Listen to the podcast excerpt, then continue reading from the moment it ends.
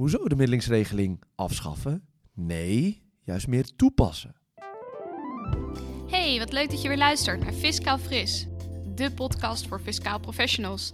Ik ben Nancy van Bemmel, van de redactie van Nextens. Je hoorde zojuist al even Samat Lakmouchi. Hij is belastingdeskundige en advocaat. En met hem spreek ik over de middelingsregeling. Eind vorig jaar verscheen een evaluatie over deze regeling, waarin de staatssecretaris onder meer de optie aandroeg om het af te schaffen. Daarna volgde een radiostilte. Wat gaat er nu met de middelingsregeling gebeuren? En heeft deze regeling nog wat toekomst? Ja. Oké, Samat, we gaan het vandaag uh, hebben over middeling. Zou je misschien allereerst kunnen vertellen wat, uh, wat die regeling precies inhoudt? Ja, dat is een goede. Altijd goed om te weten waar we het over hebben. Die uh, middelingsregeling, die houdt in feite in dat belastingplichtigen, dan hebben we het over zelfstandigen, maar ook werknemers, die sterk wisselende inkomens hebben over de jaren, om die de mogelijkheid te bieden hun inkomens te middelen. Dus in jaren waarin ze een laag inkomen hebben, kunnen ze, uh, die, die, kunnen ze middelen met jaren waarin ze een hoog inkomen hebben. En ja, gezien het feit dat onze belastingstelsel in box 1 een progressief tarief kent, hè, dus hoe hoger je inkomen, hoe hoger de uh, marginale belasting is die je betaalt, zorgt dat middelen ervoor dat je wat, ja, wat meer, of de grotere kans hebt dat je uh, het inkomen in wat lagere tariefschijven belast worden.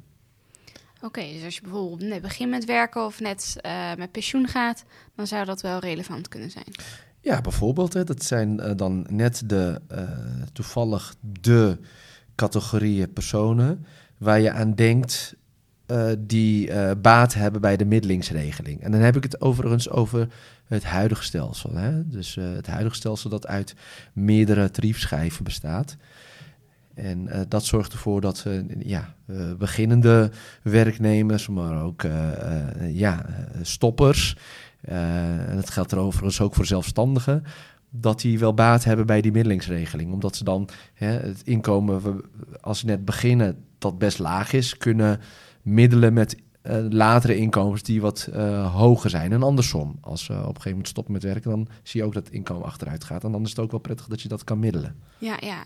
Dus jij vindt het wel een sympathieke regeling, begrijp ik? Ik vind het zeker de gedachte achter de middelingsregeling vind ik zeker sympathiek, omdat dat inderdaad uh, belastingplichtigen helpt. In ieder geval um, ja, tegen, tegen de, de nare effecten van grote inkomensverschillen.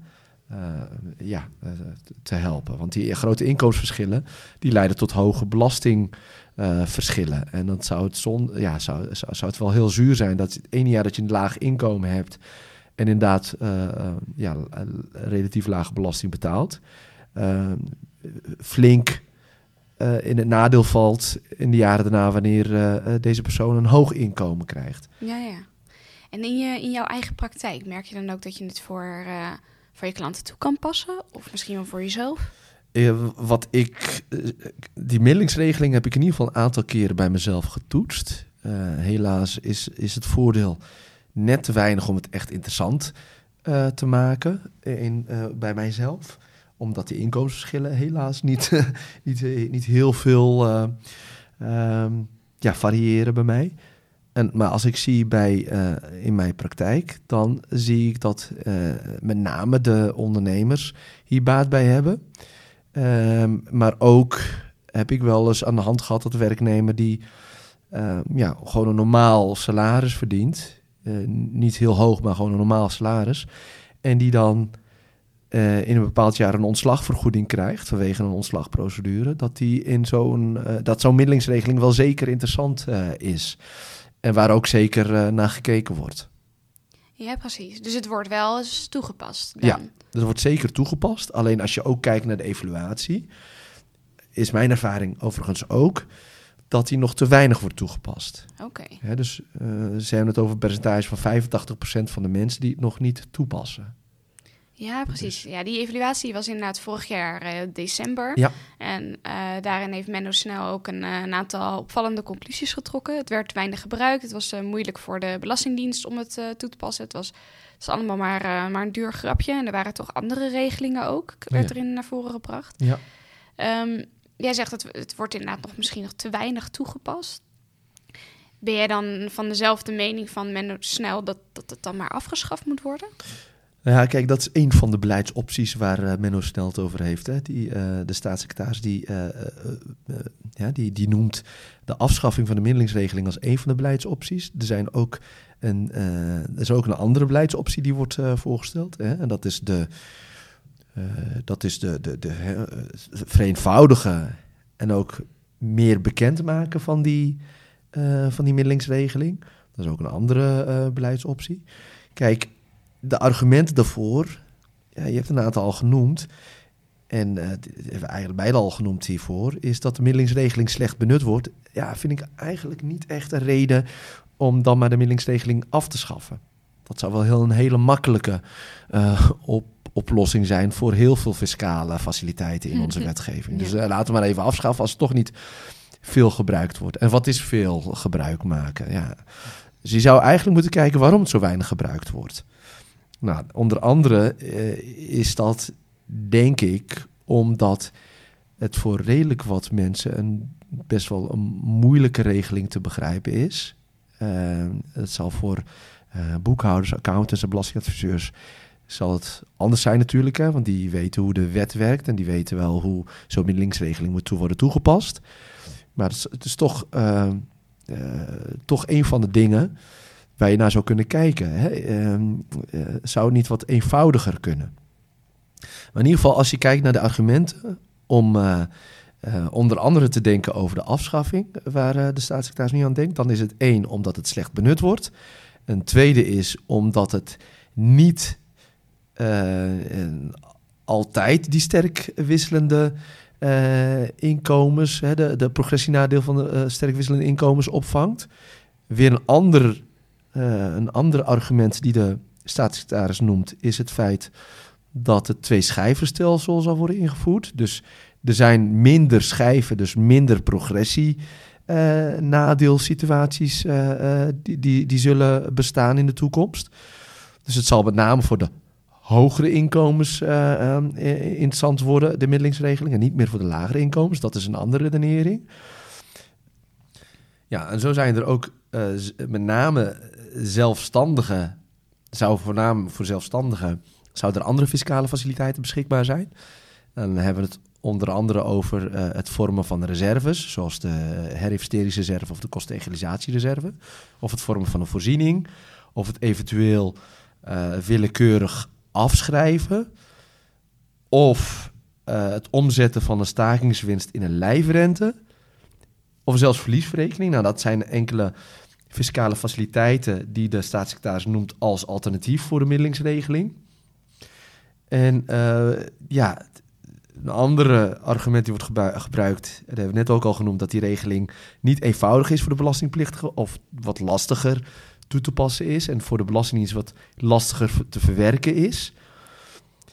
En een ander argument die wordt genoemd is dat, ja, dat het dat de middelingsregeling, in ieder geval het drempelbedrag, al jarenlang niet is aangepast.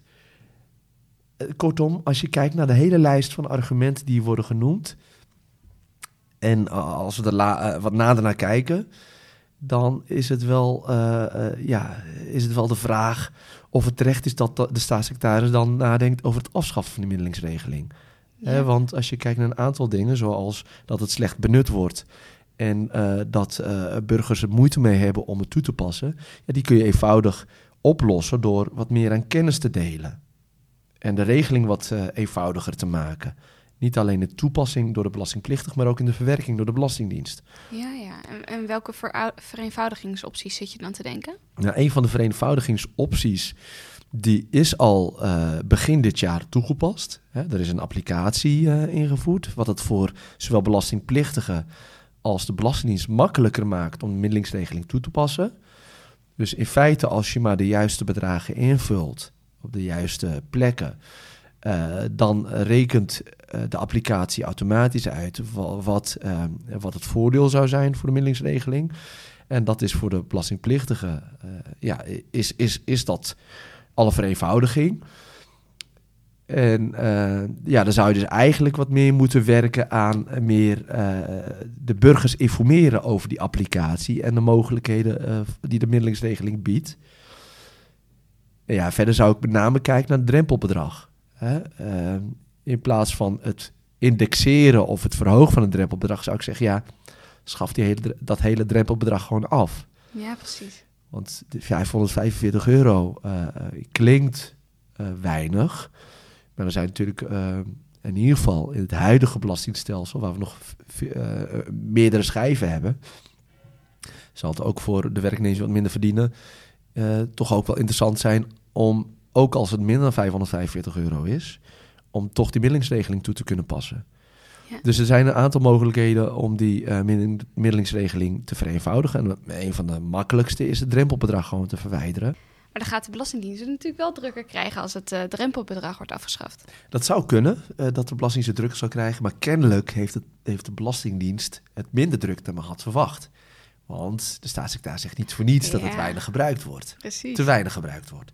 Dus kennelijk ja, houden ze er al rekening mee dat er wel meer mensen gebruik van zouden kunnen maken. En dus wat vaker uh, de middelingsregeling gaan toepassen. Mm -hmm.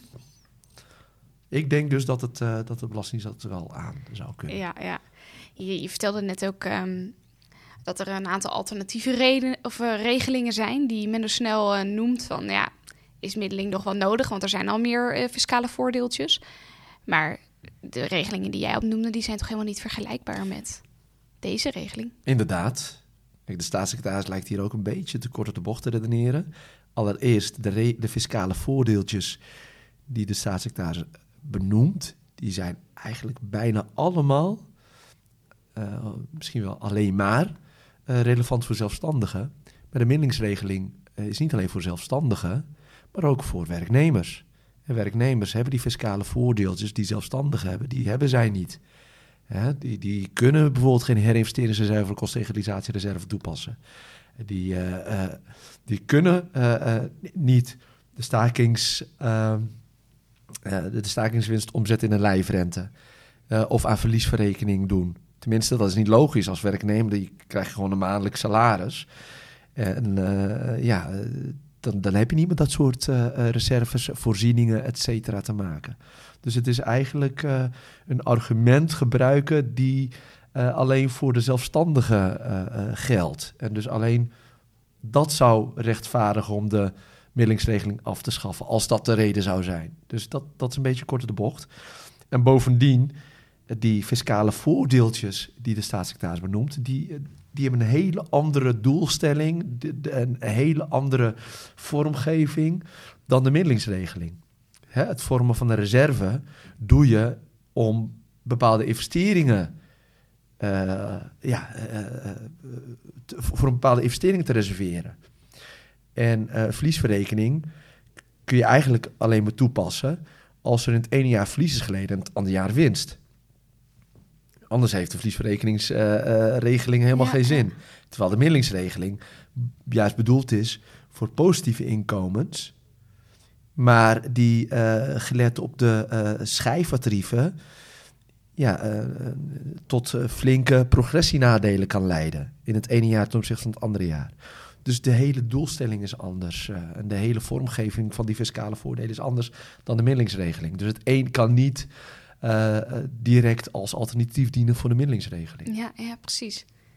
Nou ja, vorig jaar is dus die, uh, die evaluatie geweest, maar er is tot nu toe geen, nog geen opvolging geweest vanuit de Tweede Kamer. De, denk je dat die er nog wel gaat komen? Of laten ze dit nou maar gewoon aan de kant liggen? Nee, de verwachting is dat er inderdaad nog wel uh, ja, wat, wat, wat voorstellen zullen gaan komen. Dat verwacht ik wel. Alleen ik vraag me af of dat snel gaat komen. Want die evaluatie dat, die dateert al van december 2018. Het is nog al lange tijd stilgebleven. Ook op Prinsjesdag, uh, ja, waar je wel iets erover zou verwachten, uh, is er niks over gezegd. Terwijl een aantal andere dingen wel werden benoemd, zoals de zelfstandige aftrek, zoals uh, de, de, de, tariefschijven die uh, zijn aangepast. En uh, eventuele verdere beperking van de aftrekposten, zoals de hypotheekrenteaftrek en andere aftrekposten die verder beperkt worden. Maar nog niks concreets over de middelingsregeling. Dus het, er zal wel wat meer ja, concretere voorstellen komen. En wellicht ook van de Tweede Kamer wat vragen komen. Maar dat zal niet snel gebeuren, omdat het, uh, ja, uh, omdat het al een tijdje stil is. En als er wat zou gebeuren, dan hadden we al iets met Prinsjesdag gehoord. Ja, precies. Dus jij verwacht dat die middelingsregeling, omdat we dus niks gehoord hebben, nog wel even blijft bestaan? Ja, dat blijft nog wel even bestaan. Het kan zijn dat ze misschien in 2020 wel er iets weer iets over gaan roepen. Maar het zou ook best kunnen zijn dat het de komende tijd toch nog even stil blijft. Omdat natuurlijk al, het een en ander uh, wordt aangepast. Hè?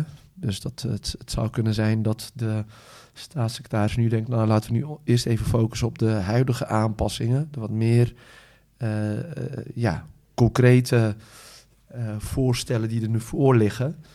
En de middelingsregeling, nu, dat, nu de beleidsopties weliswaar globaal beschreven zijn. Hè, afschaffing is er een van, vereenvoudiging is een ander. En bovendien is er net een nieuwe applicatie gelanceerd. Ja, hè, dus dat ja. zou ook een argument kunnen zijn om te zeggen dat die uh, middelingsregeling nog een tijdje blijft bestaan. Maar ja, we moeten het maar in de gaten houden. Het kan best zijn dat ze begin 2020 toch weer met iets gaan komen. Ja, ja, het zit vol verrassingen. Ja. Oké, okay, dankjewel uh, Samat. Graag gedaan. Bedankt voor het luisteren. Wil je nu meer lezen over middeling? Kijk dan ook onze artikelen op nexens.nl. Volgende week zijn we er weer met een nieuwe Fiscaal Fris podcast. Graag tot dan!